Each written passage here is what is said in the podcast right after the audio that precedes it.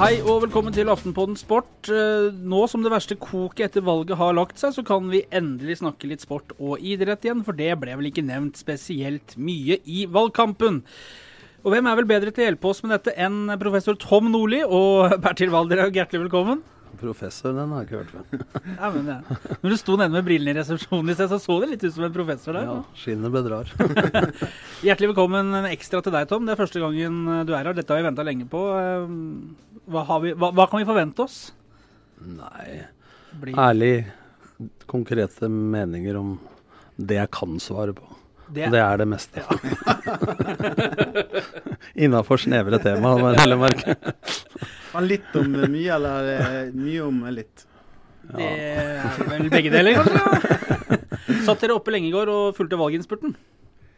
Lenge nok til å skjønne at det er bare den retninga som det gjorde, i hvert fall. Du går med sørgebind i dag, ser jeg, så du stemte ikke på Nei, ikke ikke det hemmelige valget i Norge, da? Nei, jeg så på Jeg syns den derre gåturen til Erna tok jævlig lang tid opp Slottsbakken der, men jeg holdt nå ut til de var ferdig med alle ledere inne på Stortinget. Men eh, når du ser eh, eh, de forskjellige fløyene uttalelser, så, så skulle man tro at alle vinner. For det er jo kunsten å klare å se det positive i alle tall. Ja, jeg sa det at det må Jeg skrev på Twitter i går det må være kult å være politiker, fordi at ledere blir hylla. Og lederne hyller alle medarbeiderne for de klokeste, rauseste, gladeste, sa Trine Skei Grande og alle andre. Så tenkte jeg sånn at i, i fotballen så hadde du vært ute av døra før at avstemminga hadde vært ferdig. Hadde ikke gått opp på scenen engang, du hadde bare gått ut bakveien, antakeligvis. Har vel aldri sett deg klare sånn fra fest til begravelse på ti sekunder, når du så den gjengen i Arbeiderpartiet, når du så rett før den Ja. prognosen kom. Telte ned, Ja, ja. det var helt vilt. Og så snudde på, så Ja. var det Det var da de skulle ønske de var på radio, tror jeg. For Ja. kroppsspråk betyr mye. Det er sant, det. Eh, men uansett da, eh, hvor ræva det går, eh, så hylles folk, og det er blomster og applaus, og alle er liksom Det går jo ikke i idrettens verden. Du kan ikke si der at om fire år, da skal vi bli gode. Nei, Du kan ikke si at vi skal bli gode til høsten heller. Nei. Nei, det er for det er nå. For det var noen som sa for et par år siden at det er etter ferien vi skal være gode. Og hvis du sier det som arbeidsleder et sted, eller her i Aftenposten eller hvor som helst, så tror jeg det er en del medarbeidere som blir inspirert. Men de fleste tror jeg legger beina på bordet og tenker at nå kan vi slappe av over sommerferien. Så jeg tror at det er et dårlig signal. ja. Men Frister det kanskje å ta turen over i politi politikkens rekker når du ser sånne kvelder som i går? Jeg Du vinner uansett. Jeg tror nok på kammer så har de litt tøffere enn eh, måten Ja. de fremstår i media. Så eh, det er vel mange selvransakende blikk rundt omkring i ja, det er- forskjellige Det er klart det er tøft. Men jeg tror jeg hadde vært altfor utålmodig. For at det, du skal sette an et utvalg som skal se på tak, eh, saken, og det tar eh, 100 år før det skjer noe. Så jeg blir jo litt sånn De som vinner, sier at eh, vi har holdt det vi har lovt. Nei, det har dere ikke. Eh, For dere skulle fjerne alle bomringer. Og det er flere enn noensinne. Dyrere enn noensinne. Eksempel. Altså, så, så det er få som eh, Jeg skjønner at man ikke kan leve opp til alle overskrifter og, og valgflesk, men eh, at eh, folk har holdt alt de har lovt, det er vel en sannhet med modifikasjoner. Men Tom, dette å bli hylla når det går dårlig, det har, det har du vært med på? Jeg skrev på Twitter at jeg har faktisk vært med på det en gang. og Det var litt spesielt å kaste skoa sine opp til klanen når jeg rykka ned. Og jeg glemte at det var de skoa jeg skulle gå hjem i. For de andre var, hvis de husker den eh, høstkvelden i 2000, så var det rimelig vått. Du skulle jo svømme tilbake igjen etter det. ja, og, og blei på en måte Jeg følte at det, som person eller væremåte alt passa i klubben, men resultatene var jo ikke der. Men eh, andre steder så har du blitt uh, lynsja, holdt jeg på å si. Men uh, der så var det i hvert fall store deler av klanen som, som eh, ikke gjorde det. Mm. Har, du, har du opplevd det, Bertil? Å bli lynsja? å liksom bli hyllest hylles når det lugger? Nei, jeg har vel aldri blitt opp opplevd å bli hylla. I så fall som den eneste journalisten som har fått til det gjennom, gjennom karrieren. Nei, men jeg husker veldig godt den eh, Det er jo Det begynner å bli 17 år siden. Det regna oppover på Ullevål. Det var fire, års, fire årstider, tror jeg. løpet Ja, det var Men det morsomme med den var jo high nok tran. Det var 14 minutter igjen, vi leder 2-1, og er 11 mot 10. Og Erik Holtan sitter bak meg med kongepokalen fra dagen før med Odd, da, mitt eh, lag jeg hadde året før. Og så spør Jeg ser jo ikke ut i midten engang, så dårlig vær var det. Så jeg, må vi legge oss ned? Nei, det eneste vi kan slippe inn mål på, er dødball. Det gjorde vi jo, Tommy gjør nå. Ja. Kjetil Rekdal, var det du som skulle markere den? men, eh, men da kommer Hai nok Tran ut til meg når det er 14 minutter igjen. Så sier han Tom, Tom, jeg må bytte, sånn. Hvorfor det, sier jeg. Jeg fryser sånn. men da, dette er sant, men da skinner det litt igjennom at uh, du er litt redd for å bli tungen på vektskåla. Ja. Negativ vei. Da. ja. Så det er, apropos press, som vi snakka om, som sikkert politikerne har også, så var det en kjedelig, men oppi det hele en litt sånn historie man kan le av 17 år etterpå. 17 år etterpå så går det, ja. Eh, det var en, en nydelig overgang til Vålerenga. For jeg tenkte vi dagens første stopp på, på reisen i idrettens verden er Volle. For der åpna Vålerenga sin nye stadion i eh, helgen. Eh, offisiell åpning lørdag, da Vålerengas damelag satte publikumsrekord i toppserien med 3541 tilskuere, eller 14 tilskuere. Ja. I hvert fall da de slo Kolbotn 2-0. Eh, og så var det full stue med 17 000 tilskuere da Ronny Deilas gutter tok imot Sarpsborg 08 på søndag. Tapte 2-1 fullt fortjent. Fin stadion, ikke så godt fotballag. Herrene, altså. Nei, og annetlaget tapte i går 0-4 med Moa og hele kompaniet på banen i andre divisjon. Også på samme stadion, så det er eh, 0-6 for herrene og 2-0 for damene. Men uh, jeg har sagt det før, jeg tror ikke det. Men litt sånn tabloid, da, så er det de fleste klubber som har fått ny stadion, har enten rykka ned eller ligger i nedrykksstriden. Og jeg tror det blir sånn Fokuset i klubba som bygger stadion, blir veldig mye på sånn vent. Bare vi får ny stadion, så mm. blir det bra. Eh, og jeg har vært veldig klar over de tinga jeg har sagt, at vi blir ikke spesielt bedre på pasningsspill til å få nye seter. Så det er, det, er, liksom eh, Men jeg tror, og jeg tror de er klar over det, men at det er lett at for mange i klubben skifter fokus til at bare det skjer, så blir det bra. Mm. Altså jeg tror eh, de beste boksere kommer fra Bronx og ikke fra Manhattan. Så jeg tror på en måte det arbeidet de gjør hver dag Jeg er sikker på at de gjør mye bra av det, men det er i hvert fall en felle som jeg tror mange sånn ubevisst går i. da. Ja, altså, Hundelort blir ikke til konfekt bare man pakker den i eh, glanspapir. Det, ja, men eh, Vålerenga Et, bilde til. det var bra. ja, det var bra bilde, ja. Nei, altså eh, det, Pilene med Vålerenga, så ser man bort fra ny stadion, så peker det veldig nedover. Nå solgte de den beste spill, desidert beste spilleren sin også. At de klarte å slå ut Rosenborg i cupen, er jo et eh, altså Det var jo jeg direkte kom, Jeg kommenterte den kampen. Jeg trodde det skulle bli 4-0 etter 20 minutter. Ja, for da var Rosenborg knallgod i starten. Ja. Men, uh, men det, nå har nå de cupen, men jeg, jeg er redd for at Vålerenga kan havne i samme situasjon som de gjorde for 17 år siden. altså. Ja, og, og på en klubb som det er større forventninger Jeg tippa dem topp fem i år, og, for jeg har veldig tru på Ronny Deila. Men en klubb som det er store forventninger til altså For meg så er Vålerenga, uansett om budsjettet er 14 millioner eller 114 millioner så, Og når jeg kom dit, så var det redusert fra 67 til 14. Men merkevare Vålerenga eller Coca-Cola, da. Da forventer du at det er cola på flaska og ikke vann, men det var vann. Eh, og da er det mye større påkjenning for dem som er forventa i toppen av merkevare, alle som har forhold til merkevaren, enn hvis det er Sogndal eller Tromsø eller et eller annet sånt. Så de har helt mentalt annen innstilling i en sånn situasjon. Mm. Og hvis du først havner der, så det, havner du fort i sånn eh, forsvarsposisjon. Altså. Men jeg syns Vålerenga har for De har veldig mange spillere. Stor stall, stort støtteapparat. Men jeg syns de har for mange like spillertyper. Altså du bytter ut én ving med en samme type ving. altså som mm. Du bytter ikke ut elektrikeren med rørleggeren. Altså, du, har mange spillere som er ganske gode, men på veldig likt nivå. Og Derfor er det jo overraskende at de ikke gjør det bedre i, i andre divisjon, i hvert fall når de stiller med bedre lag, men det har kanskje noe med tenning å gjøre. Så de kan jo slite der også, og eventuelt rykke ned. For nå neste kamp og går vel dagen før eller to dager før semifinalen mot Sarpsborg 08. Så da regner jeg med at de i hvert fall sparer de som er i troppen. Mm.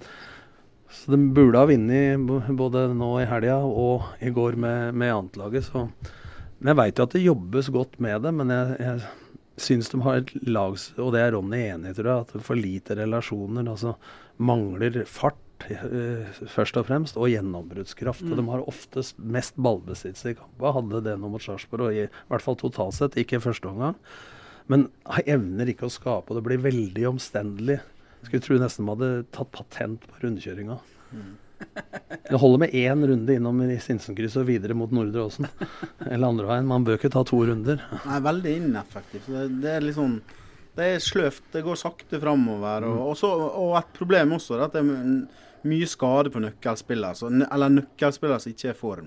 Og Moa, hvem- hvem- ja, men hvem er det som- På det laget der som skal gå foran i krigen. Sant? Det, Og man må jo også se på kanskje da, at jeg ser flere lag skylder på skader, og det er forskjell på å få en smell og ryke en skulder og et leddbånd osv. Men hvis det er andre typer belastningsskader, så må man jo se på hvorfor de kommer også. Det, de har jo såpass svært apparat, så jeg tror de har kontroll. Jeg kjenner ikke det indre livet i Vålerenga nå, men jeg har rimelig god oversikt. Og det er klart jeg veit at en del av de tinga her er Ronny opptatt av sjøl også, men jeg hadde trodd at det skal gå litt fortere framover både på banen og resultatmessig enn det det har gjort nå. jeg har hatt tidenes årets store skivebom. Tipp hvem jeg hadde som uh, toppskårer i Eliteserien. Moa? Ja. Han var jo bra på forsesongen. Ja. Ja. Han, han har skåra. Skåra ett, tror jeg. Ja. To, kanskje. Han har nesten ikke deltatt Nei. heller. Men du ser på en spiller som Daniel Fredheim Holm også, så jeg er spent på hvor god han kunne blitt uten skader. Altså, Ja. Han er god hver gang han er i aksjon, og så holder han eh, 45-60. 65. Og det er klart det er synd for både han og, og for Vålerenga, men eh, de må på en måte Når de nå får skader, da setter de han ned som indreløper. For jeg veit jo at Ronny ønsker å spille 4-3-3 når Gya Zaid er borte. Men jeg hadde forventa at de brukte da Daniel i rommet bak spissen Mm. osv. Men jeg veit at Ronny ønsker mer intensivt press. Han ønsker større gjennombruddshissighet og bedre gjenvinning. Så det er, han irriterer seg sikkert like mye som oss andre på at dette er sakte og omstendelig, er vel min konklusjon på Vålerenga. Du fulgte jo Vålerenga når, når Tom trente de i 2000, eh, Bertil. eh, Da gikk det ned. Nå ligger de to poeng unna kvalik. Du nevnte at det kan, kan gå samme veien denne gangen òg. Jeg har vel en nøkkelkamp mot Tromsø, så det er det, hvis jeg ikke husker helt feil. Jeg kan ikke et termliste. Men uh, Og Rosenborg, Brann og Stabæker i tre neste, i hvert fall. Mm. Ja. Det vet jeg. ja, det er ikke akkurat uh, Lukter ikke ni poeng av det. Nei, men det var ingen som trodde at Vålerenga skulle vinne på Lerkendal i kvarten heller. Så det, altså, det er nå sånn at de kan sørge for å beholde plassen sjøl. Ja. Jeg ikke trenger å være avhengig av andre. Så men eh, det er ingen lag som er for gode til å rykke ned, for det er bare fasiten. Som, det er det som presteres ute på banen som avgjørende. Men man sa jo at Vålerenga i 2000 heller ikke var, så var for god til å rykke ned. Nei, ja, altså, men det er jo den største feilen du kan gjøre. Er, jeg har tatt over såpass mange lag i krise at de fleste sier at de er for gode til å rykke ned. Av dem det er større forventninger til enn Tromsø, mm. eh, Sogndal-type osv. Og da lurer du deg sjøl, altså. For du må få, i en sånn krisesituasjon så må du få folk én til å innse nå-situasjonen, at det faktisk er mulig å rykke ned. Punkt to, du må jo ta tak i konkrete, færre ting som folk tror på. Og det er enda større utfordring for den treneren som er en del av motgangen. Det er litt lettere når du kommer utenfra. Da er det jo Karsten Isaksen og Åge Samuelsen, og da bukker de og sier ja. Men det må jo være samsvar med det du selger inn og det du gjør på feltet, da. Så disse tinga her er, det er livsfarlig. Det er det samme som jeg. Det altså, jeg måtte innrømme at jeg var feit, ja, før jeg skulle slanke meg. Men, men Tom, du har jo vært i Vålerenga eh, og, og, og trent klubben og kjent på det derre det som folk snakker om som er litt sånn spesielt med, med Vålerenga, det med omgivelser og det er at det er egne eh, krefter i klubben nå. Hvordan Er det så spesielt som folk skal ha det til, eller er det myte? Ja, begge deler. Eh, jeg tror at eh, hvis jeg sammenligner Vålerenga 2000, eh, Start 4, 5, 6, Lillestrøm 7 og 8, hvor mediene hadde, og spesielt TV 2 som hadde rettighetene, hadde jo Christian Oma på Lillestrøm-trening. Det var TV på hver trening utenom én i ett og et halvt år. Nå tror jeg det er TV på én trening i løpet av ett og et halvt år, og det er hvis det er krise. Så, så at presset eh, Man føler det inne. For det er Oldermannslauget, du har Hengeren, du har Brun. Og det er mange som mener noe, men det blir jo en emne hvor mye du skal bry deg om det. Men det er mange krefter. Og når jeg var der, så var det jo Du hadde liksom Anders Krystad, Petter Nome, Grødal videre. Og så hadde du Troim, Spetalen, eh, Jon Fredriksen. Det var jo som eh, Bjørnar Moxnes og Siv Jensen skulle vært formann i samme parti. De dro ikke akkurat i samme retningen. Så det var jo tøft å sitte her i midten som en eh, korpulent eh, arbeidermann fra, fra Lillestrøm. Men jeg, det er, jeg, jeg skjønner hva folk sier, at det er flere som mener noe, det er eh, større krefter. Men mediatrykk og presset er vesentlig mindre nå enn midt på 2000-tallet. Det er ingen tvil om. Du får jobbe mye mer i fred. I 2000 så hadde vi aftenavis i Aftenposten. Og på mandag da, etter serierunde så hadde vi en sånn eh, liste over folk vi pleide å ringe da, som mente noe om Vålerenga. Er Kjell Grønningen, Ja. Krystad, Trond Eh, Hoftvedt, Hengeren, ja, Hengeren, Erik Foss. Så var det alt, eller Ivar Hoff. og Men dere var der hver mandag? Ja, vi var der, vi var der på hver Ja, men når. Kristian Grindheim hadde den der eh, klinsjen med Rekdal Ja. i fjor, Ja. så sa jo han at ja, det er jo media her eh, på mandagene. Ja. Men før var de der mandag til fredag. Ja. Hver dag. Jeg husker jeg, når, når det gikk dårlig i Vålerenga. Geir Bakke og jeg skulle ut Det ene av få øktene vi hadde i bingen, for vi måtte trene på Skjetten kunstgress. Det var jo rotter og knuste gresskår i bingen den gangen, og Valhall ble i ferd med å bli bygd. Så kommer det 200 klansmedlemmer med radio, og TV og alt på slep, med en fotball og en spade. De skulle grave ned ballen inn i 16-meteren, så jeg sto oppå en sånn krakk og måtte forsvare meg mot 200 mennesker. så ikke kom og si at trøkket er like stort. Altså, Det interne presset du setter på deg sjøl, og internt i organisasjonen, så er presset like stort. Men utenifra så må du ikke komme og fortelle meg at trøkket er i nærheten. Altså, for det, du sier jo sjøl, Bertil, dere var jo der hele uka. ja, ja, vi var det. Jeg brukte vel sånn i Vålerenga og Lillestrøm en og en halv time på media hver dag. Når jeg var på cupkamp på Åråsen nå, nå har jo Lillestrøm sluppet folk inn i garderoben, da, men så var det tomt i mix-zone. Eh, Trøkk rundt Lillestrøm en gang var jo sånn at jeg spilte inn en CD for ved tap og seier med spørsmål. For du skulle jo gå til rettighetshaveren først, og, og Ja. NRK og P4, og så var resten etterpå. Så du gjentok jeg deg sjøl som Teletubbies, ikke sant? Så satte jeg på en kassespiller til slutt. Ja, men du leverte jo du da, Tom. Det var, det var derfor vi var der og snakka med deg en halv time. Jeg tror ikke vi hadde gått å snakke med en sånn Nei, det er mulig, men, men du skjønner, det Ja. er forskjell. ja, ja, ja, ja, selvfølgelig. Så det er litt synd, da. Altså, det er bra for dem som får jobbe i fred, men samtidig sier det noe om Det er jo mindre folk på kampene. Mm. Så, så heller det å få tilbake trøkket rundt og interessen. Altså Den dagen, sånn som det var noen år på Lillestrøm Jan Åge og jeg var der, så var det liksom Nå står de nærme hverandre, nå står de langt unna hverandre. Mm. Nå slåss dem på trening osv. Eh, nå er det mer sånn at det er farlig hvis det blir likegyldig. Det er bedre at folk mener noe negativt eller positivt. Eh, og sånn er det rundt sånn som Lillestrøm var, da, i hvert fall rundt det resultatkrava som var der. Og i Vålerenga. For når vi hadde målsetningsmøte i jeg husker på La Manga med Fjørtoft og Grønlund og det der, så var det under forretten på Casa Mia, under rekecocktailen, så, så var det bare sånn Topp fire medalje innen tre år. Tittel innen tre år. Ferdig. Hovedrett klar. det var liksom eh, målsetningsmøte i Lillestrøm. Det Ja. var liksom ikke noe bønn. Fikk en tittel, da. Fikk en tittel, da. Jeg var ferdig med det. Altså, så, det så det var ikke noe utvalg som skulle settes ned og se på saken. Det ble tatt på Ja.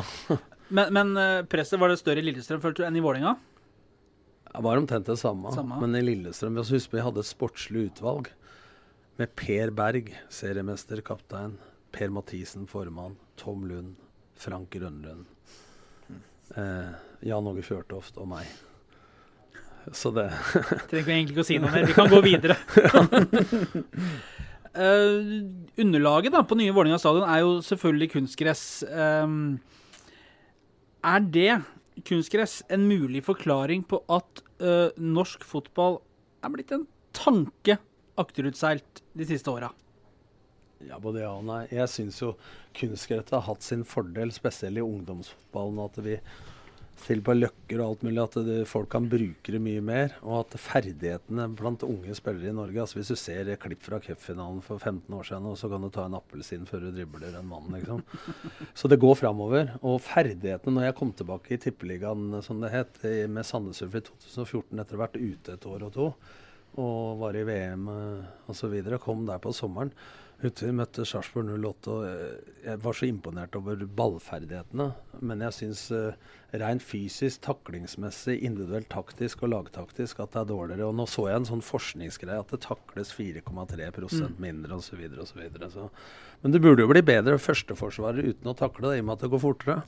Så, så det, men jeg syns jo at det, fra Trondheim og nedover altså Jeg har vært med på den eh, kanon gressbanen i Odd. Spilte Royal League uten varmekabler 12.12. Vålerenga og, og Odd. Nei, og Start på Odd sin bane. Eh, start i Kristiansand, altså nye Sør Arena, var helt fantastisk, bortsett fra når gresset var løst å begynne med. Så jeg syns liksom at Eliteserien burde ha vært spilt på gress der det er mulig.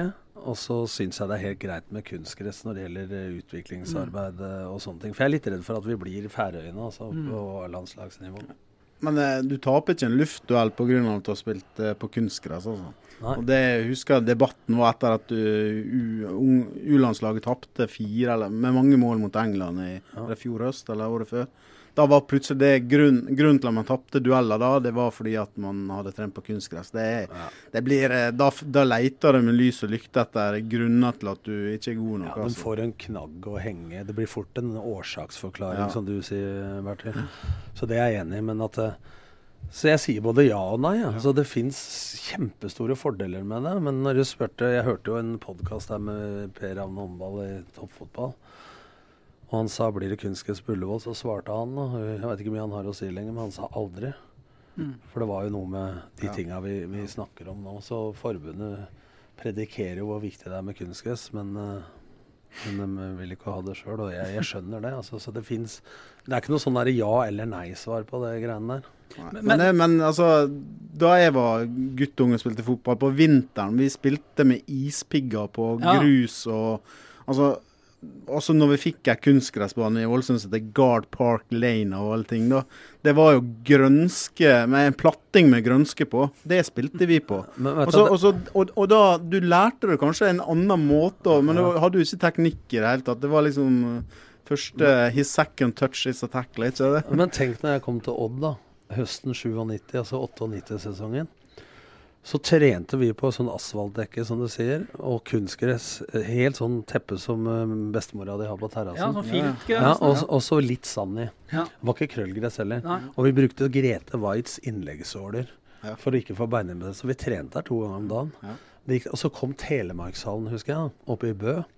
Og da var det krøllgress med sand. Og det var helt fantastisk. Og så gikk det fem år, så kunne ikke spillere spille på kunstgress med sand, for det var belastende. Så det sitter jo litt i knollen nå, da.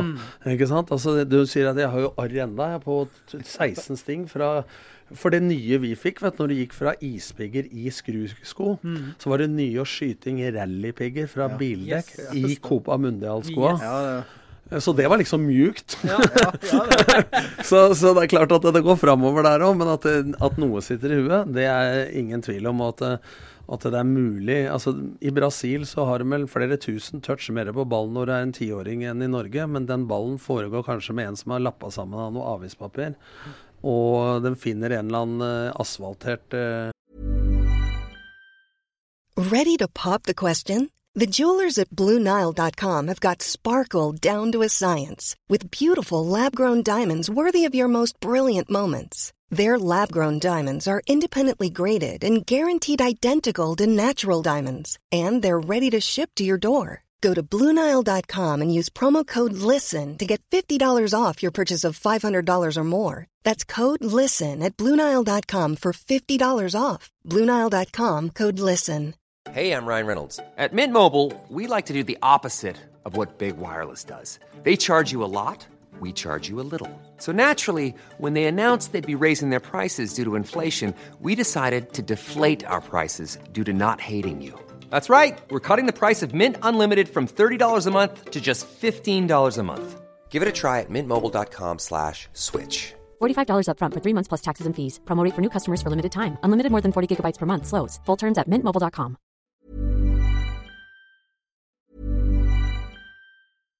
If you're looking for plump lips that last, you need to know about Juvederm lip fillers. With Juvederm Volbella XC and Juvederm Ultra XC, your lip look, whether it's subtle or bold, can last up to one full year with optimal treatment and no additional maintenance. Find a licensed specialist and see if it's right for you at juvederm.com today. That's J U V E D E R M.com. Add fullness to lips in adults over 21 with Juvederm Volbella XC or Juvederm Ultra XC. Do not use if you have severe allergies or a history of severe allergic reactions, or if you're you're allergic to lidocaine or the proteins used in Juvederm. Tell your doctor if you have a history of scarring or taking medicines that decrease the body's immune response or that can prolong bleeding. Common side effects include injection site redness, swelling, pain, tenderness, firmness, lumps, bumps, bruising, discoloration, or itching. As with all fillers, there's a rare risk of unintentional injection into a blood vessel, which can cause vision abnormalities, blindness, stroke, temporary scabs, or scarring. For full important safety information, visit juvederm.com.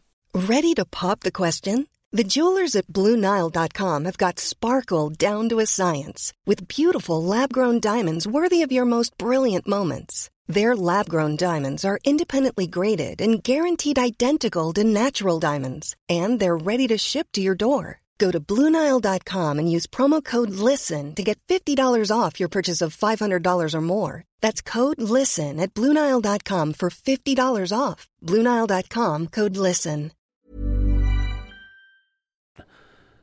Ja, kanskje uten humper, hvis du er heldig, eh, i en eller annen bakgård. Og du får teknikk da, så at eh, vi må passe på så ikke tro at alle unga må spille Jeg er mer bekymra for at de spiller på så små områder. Jeg. Du ser nå det akademiet som Drillo og jeg hadde i fjor. Så kommer det folk fra født i 2005 til 2000. Det fins folk som ikke har hørt om første- og annenforsvaret, første- og annenangriper. Det fins folk som aldri har trent på mer enn et hjørne. Det er åtte lag som deler en kunstgressbane samtidig. Så de har ingen forståelse for rom. Tid, avstand, rom. Eh, og det, det, vi skaper mye sånne gode dribler, og det er vel og bra. Men, men eh, det derre store bildet, det har de lite erfaring med. Kan vi se noen sammenheng med A-landslaget? Begge A-landslagene, for så vidt. Også med den uh, kunstgress, at det er teknisk, at de er gode på små områder. Når det blir stor bane 11 mot 11, Når du så, så, eh, når du så Tyskland-Norge, så var det vel underlegen på alt. Det var ikke noe sånn at den norske var bedre teknisk for å ha spilt på kunstgress. eller alt. Det var underlegen på tempo, på bevegelse, på taklingsstyrke, på teknikk. Så det blir, det blir ganske sånn det, Da får jeg heller begynne å, å snakke om det. Det viktigste i en eh, fotball, uansett nivå, det er å vinne krigen på banen. Så det, det, det er pri én. Ja, Spillestil har ingenting å si. Da. Hvis du ikke har felleskjøpercapsen og møkkagreier på hånda her på arbeid, så det er krydderet. Men, men poenget er at det, hvis du skal analysere Tyskland-kampen, da, så kan det bli ferdig annen juledag. Men, og folk sa også at vi møter verdens beste lag. Men f.eks. Han vet ikke om jeg greier å ta det på radio, men jeg jobba i Kveldsnytt den kvelden og uh, stoppa bildet. Når Thomas Müller slår inn der, eh, altså, Ja, så ser du fem spillere som står med ansiktet mot innleggeren og har venstre skulder da mot mål. Alle er ballwatchere. Ingen har kontroll på spillere foran seg, bak seg, mellom seg. Eh, og det kroppsstillinga der har ingenting med om du møter San Marino eller Tyskland å gjøre. Så det er klart de gjør feil der som de egentlig skal lære på guttenivå. Eh, så, så det må de ikke bare skusle unna og tro at eh, Det blir samme som å si at vi er for gode til å rykke ned, hvis du tenker at vi er godt organisert. Men med typene, da. Når jeg vokste opp, før så var det en Rune Bratseth, en Henning Bergen, Erland Johnsen, en Ronny Johnsen. Det var en Jon Arne Riise, det var en Carew. Nå finner du en million små nummer ti. Alle skal spille bak spissen. Den Messi-typen. Altså Det er jo lettere å finne en midtbanespiller i dag enn en spiss og en midtstopper og en venstreback. Det er nesten umulig. Så det sier noe om at når vi snakka om Myggen, han var jo en av de beste førsteforsvarerne. Altså det er ikke noe motsetningsforhold hos meg mellom å være god førsteforsvarer og god teknisk og god angriper. Før så kunne Jan Mølby stå og dytte kule med kroppen min på midtbanen i Liverpool.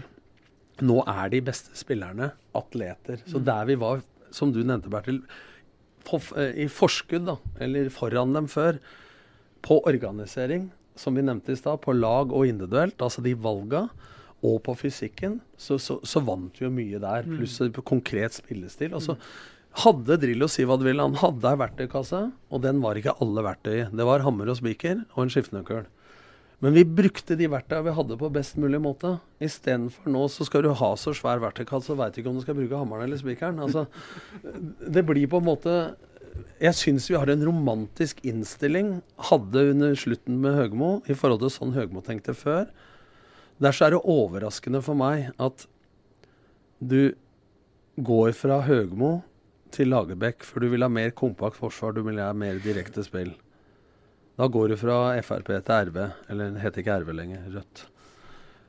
Også på damesida så går vi fra Pellerud slash Finjord til Sjøgren. Det er ikke noe gærent med noen av dem, men han står jo for, fra Eskilstuen, eh, Linkjøping, mener jeg, eh, en ballbesittende stil i, i, diamant, ha ballen lenge nok til å få bekka angrep osv. Det er jo på en måte det samme styret og Nils Hans og NFF alt som sitter og ansetter en kommunist og en mørkeblå i samme bedriften, selv om det er gutter og jenter du leder. Og den, uten å si noe feil om noen av dem, så skjønner ikke jeg det. Og når konklusjonen nå er at vi skal bli mer kompakt og mer gjennombruddsissige, ja, hvis Sjøgren kan snu om og gjøre det, fordi han er sikkert en fotballmann, så er det vel og bra. Men hvis han ikke kan det, så har de jo valgt feil.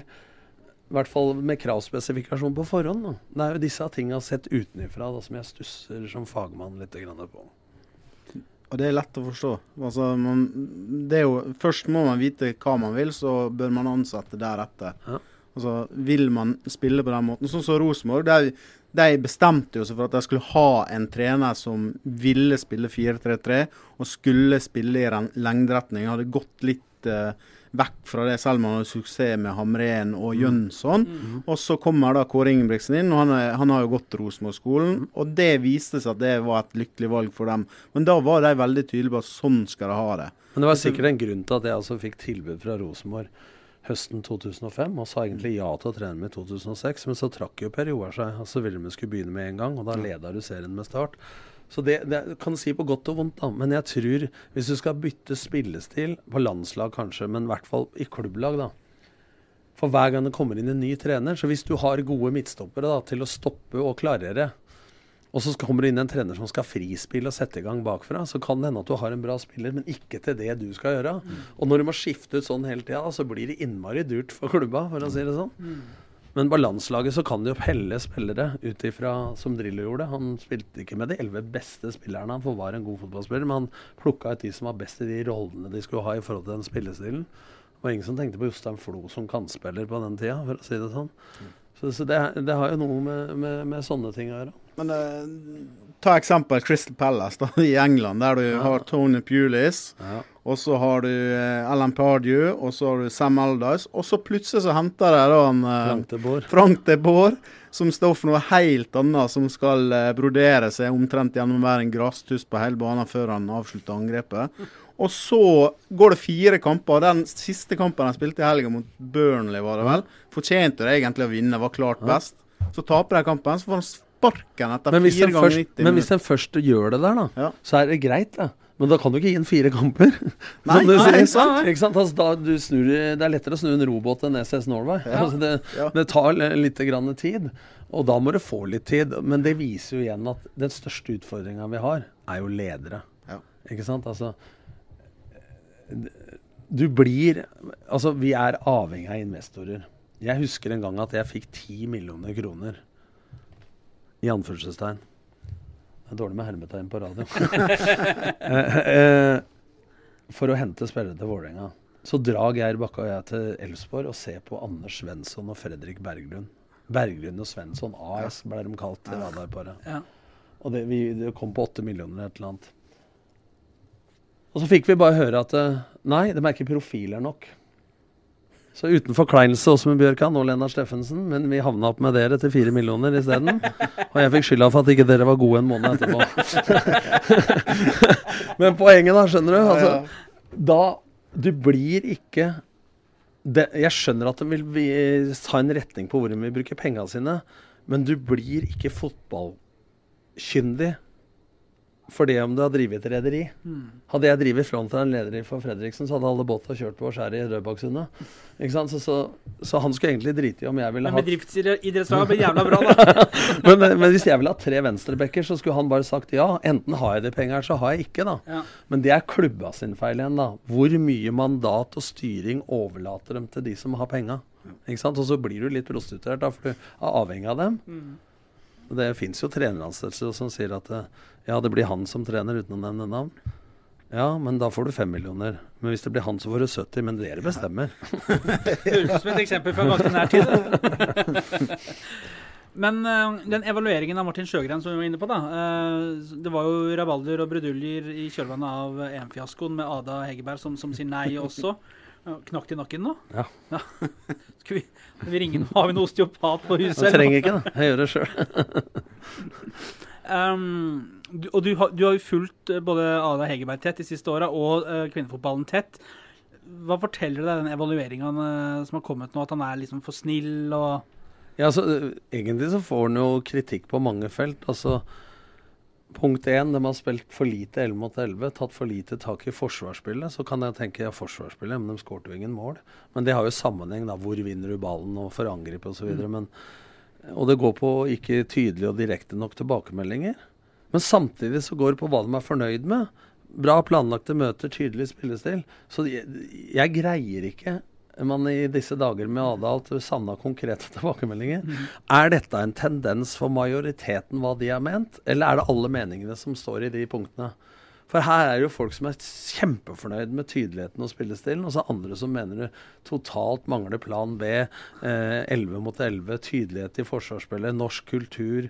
Eh, for, for, for kort precamp til å sette relasjonene, det er noe annet, da. Men det var masse sånne punkter, så jeg får ikke helt tak i hvor mange mener hva, og hva er tendensen man må For hvis jeg hadde fått en sånn tilbakemelding som trener, så hadde jeg tenkt hvor skal jeg begynne? Ikke sant? Altså, du må komme fram til en konklusjon. At, eh, og konklusjonen tok jo Sem. At vi skal mer kompakt og spille mer i lengderetningen. Men da må du gjøre totalt om på det man har gjort hittil. Så det viktigste for meg er hvorfor gikk det bra nå, så vi kan gjenskape og videreutvikle det som var bra. Og hva var det som var dårlig, så vi kan ta tak i det. Jeg skal ta ett eksempel med sønnen min som svømte. Han svømte veldig bra, og så uka etterpå svømte han veldig dårlig. Så gråt han, så tok jeg ham med inn på handikaptoalettet og spurte hvorfor gikk det dårlig nå? Eller hva skal vi gjøre nå? Vi må finne ut hvorfor jeg var dårlig, pappa, sa han. Så svarte jeg da blir du god på å være dårlig, da. Hva tenkte du sist gang du var god? Hvordan følte du det da? Ikke sant? For det er sånn jeg gjør når jeg tar over laget i krise. Altså, vi er sånn hvis jeg skal si til deg, Kjetil, at du gjorde noe bra, så er det ofte vi sier 'bra, Kjetil'.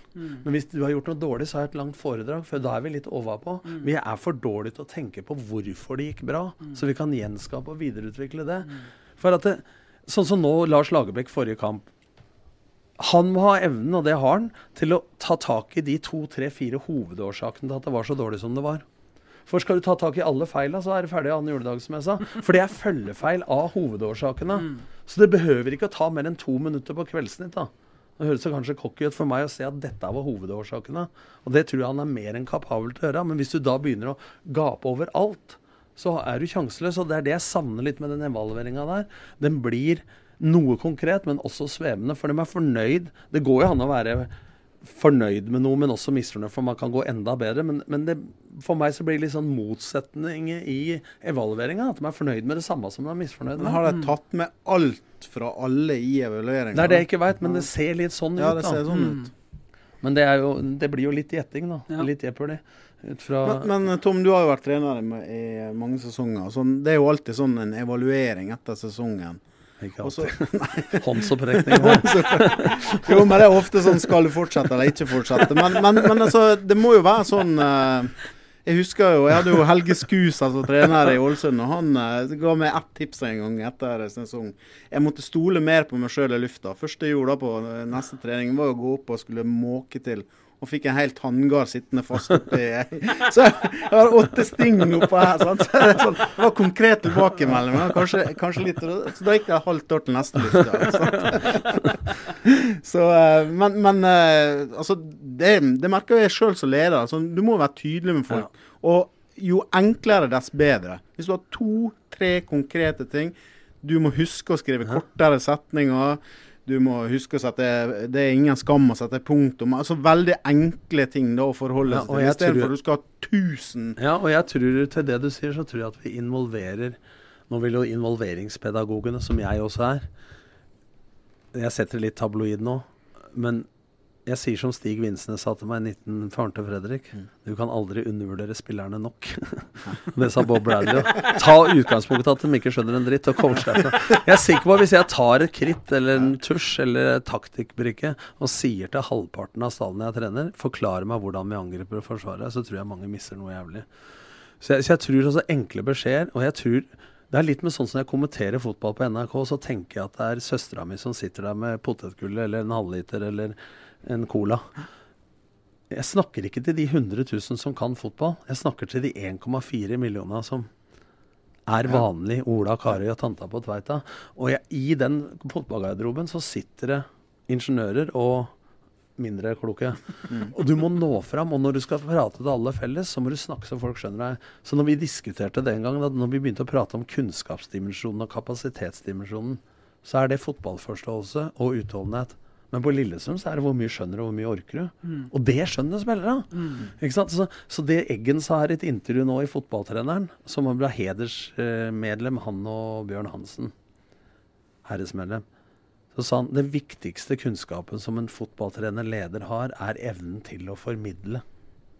Og det tror jeg er ekstremt viktig. For i disse dager hvor vi analyserer mange løpsmeter, hvor fort vi løper, i alle vinkler, så tror jeg at spillere, vi trenere, kan nesten få orgasme av de der analysene, mens spillere er ikke så jævlig interessert. Så du må på en måte sortere ut litt hva som er nyttig for deg som leder, og hva du kan formidle videre. Og Da har jeg et eksempel fra Skeid. Det er ikke forkleinelse for Skeid, og det er ikke for å være cocky. Men når du kommer fra 30 år i toppfotballen som meg, da, og ikke har vært i andredivisjon siden 1997, så var min største pedagogiske utfordring da jeg kom, å ikke være for klok. For det hjelper ikke om jeg har en idé i huet hvordan jeg vil spille mot diamant eller 4-2-3-1 eller med én mindre. Hvis ikke vi har tid til å trene på det, og det ikke er overførbart til klassen. Det blir som mattelæreren min som regna dobbelt så fort i huet som jeg gjorde det på kalkulatoren. Man greide ikke å lære meg en dritt. Det har litt med meg å gjøre, da, men litt også med hans emner å gjøre. Så her tror jeg vi er inne på ledelse, rett og slett. Altså hvordan nå fram til de folka. Du skal lære noe, og da må vi slutte å være så opptatt av å imponere med din egen kunnskap, mm. istedenfor å tenke hva er, hvor er lista her? Nå underviser vi litt sånn i år, og så neste år kan vi heve den litt. Grann, og så må du ha evnen til å være litt forskjellig ut ifra hvem du snakker til i gruppa. Også. Kom vel en, eh, var George Curtis som kom til Rosenborg og på første treninga løfta ballen i været og sa 'this is a ball'. Da, Ikke gå så fort fram, var det noen sa. Jeg slapp, å begynne, jeg slapp å begynne der, da. og Diversen som sa til han Eggen en gang som var spillende trener, så du, eh, du prater som en eh, Hva var det han sa, da? Du prater som en gud og spiller som ei fitt. Eller som, en, eller som en annen sa.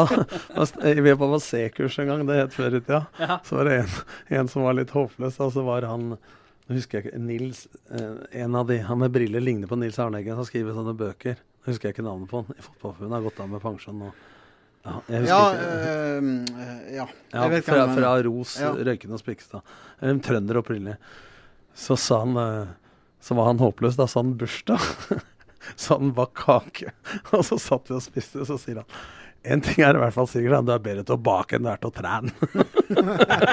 Apropos direkte tilbakemelding. Det er ikke all pedagogikk som direkte som er like bra heller, for å si det sånn. Men eh, vet dere hva? I kveld så starter verdens uh, herligste fotballturnering igjen, det vil mange mene. Champions League. Uh, sitter du og ser disse kampene, Tom? Får med deg det meste? Nei, ikke det meste. Eh, du jobber med fotball. Jeg skal ha oversikt over Og jeg er såpass ydmyk at når jeg ikke har vært i andredivisjon på så mange år, eller eh, tok damelaget i Avaldsnes, så må jeg bruke enormt med tid. Og sett, og gudskjelov, nå går hun på A-media og, og sånne ting, altså Post Nordligaen. Så jeg bruker enorm tid og, og ydmykhet og respekt for eh, de motstanderne vi møter, og setter meg inn i det.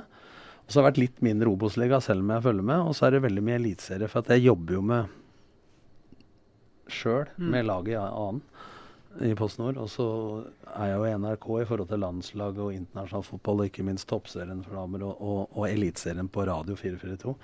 Så du må ha full oversikt her. Og det er klart at da går det ei grense. I hvert fall når familien er hjemme. Når jeg er hjemme selv. Så jeg drar heller og ser en lokalkamp med Blakeren og Blaker og prater litt og tar ei pølse, enn å på en måte nistudere. Så jeg ser fotballkamper på tre måter.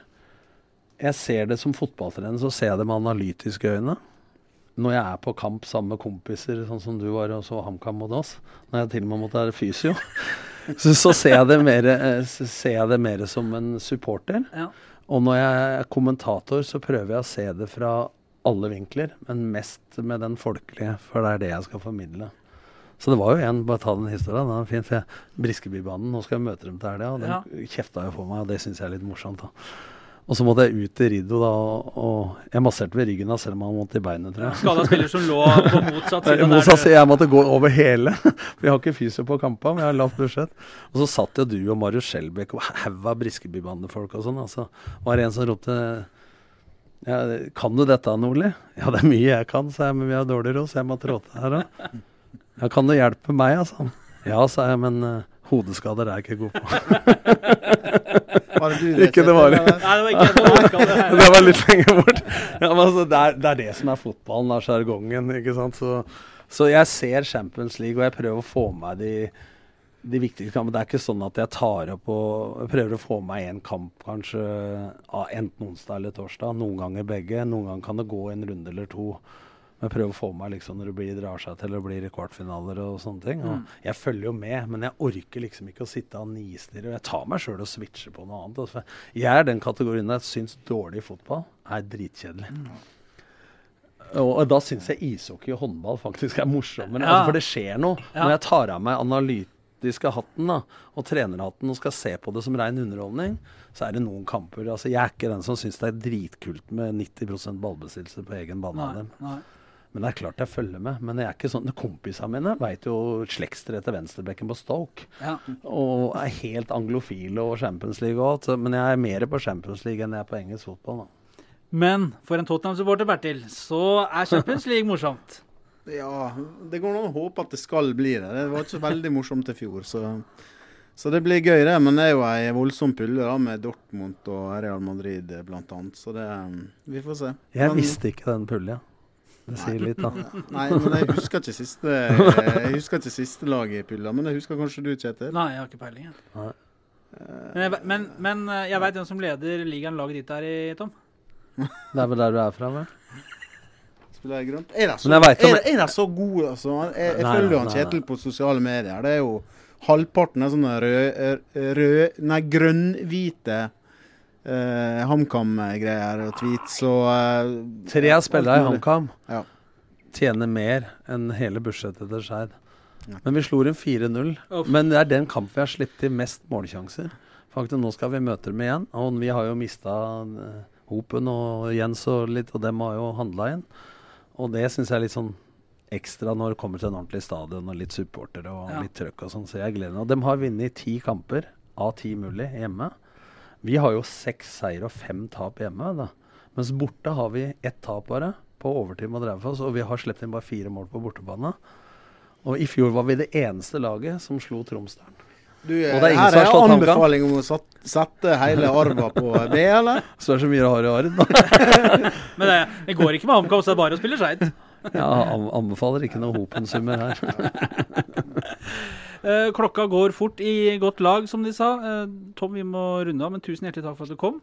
Hyggelig, hyggelig. Kan du komme tilbake, så kan vi ta liksom volum to? Altså det, det vi ikke rakk, kan vi ta Ja, men da må vi ha fire episoder til. Ja, Hvis vi skal få fire historiene. epis- Fire episoder til. Men da gjør vi det bare sånn. Ja, da bare, vi, vi, bare, for, bare forspille det. vi, vi bare setter på opptak, og så går vi en runde, og så drar du igjennom. Det går bra. Takk til deg, Bertil. Lykke til med Tottenham Champions League, og så høres vi plutselig.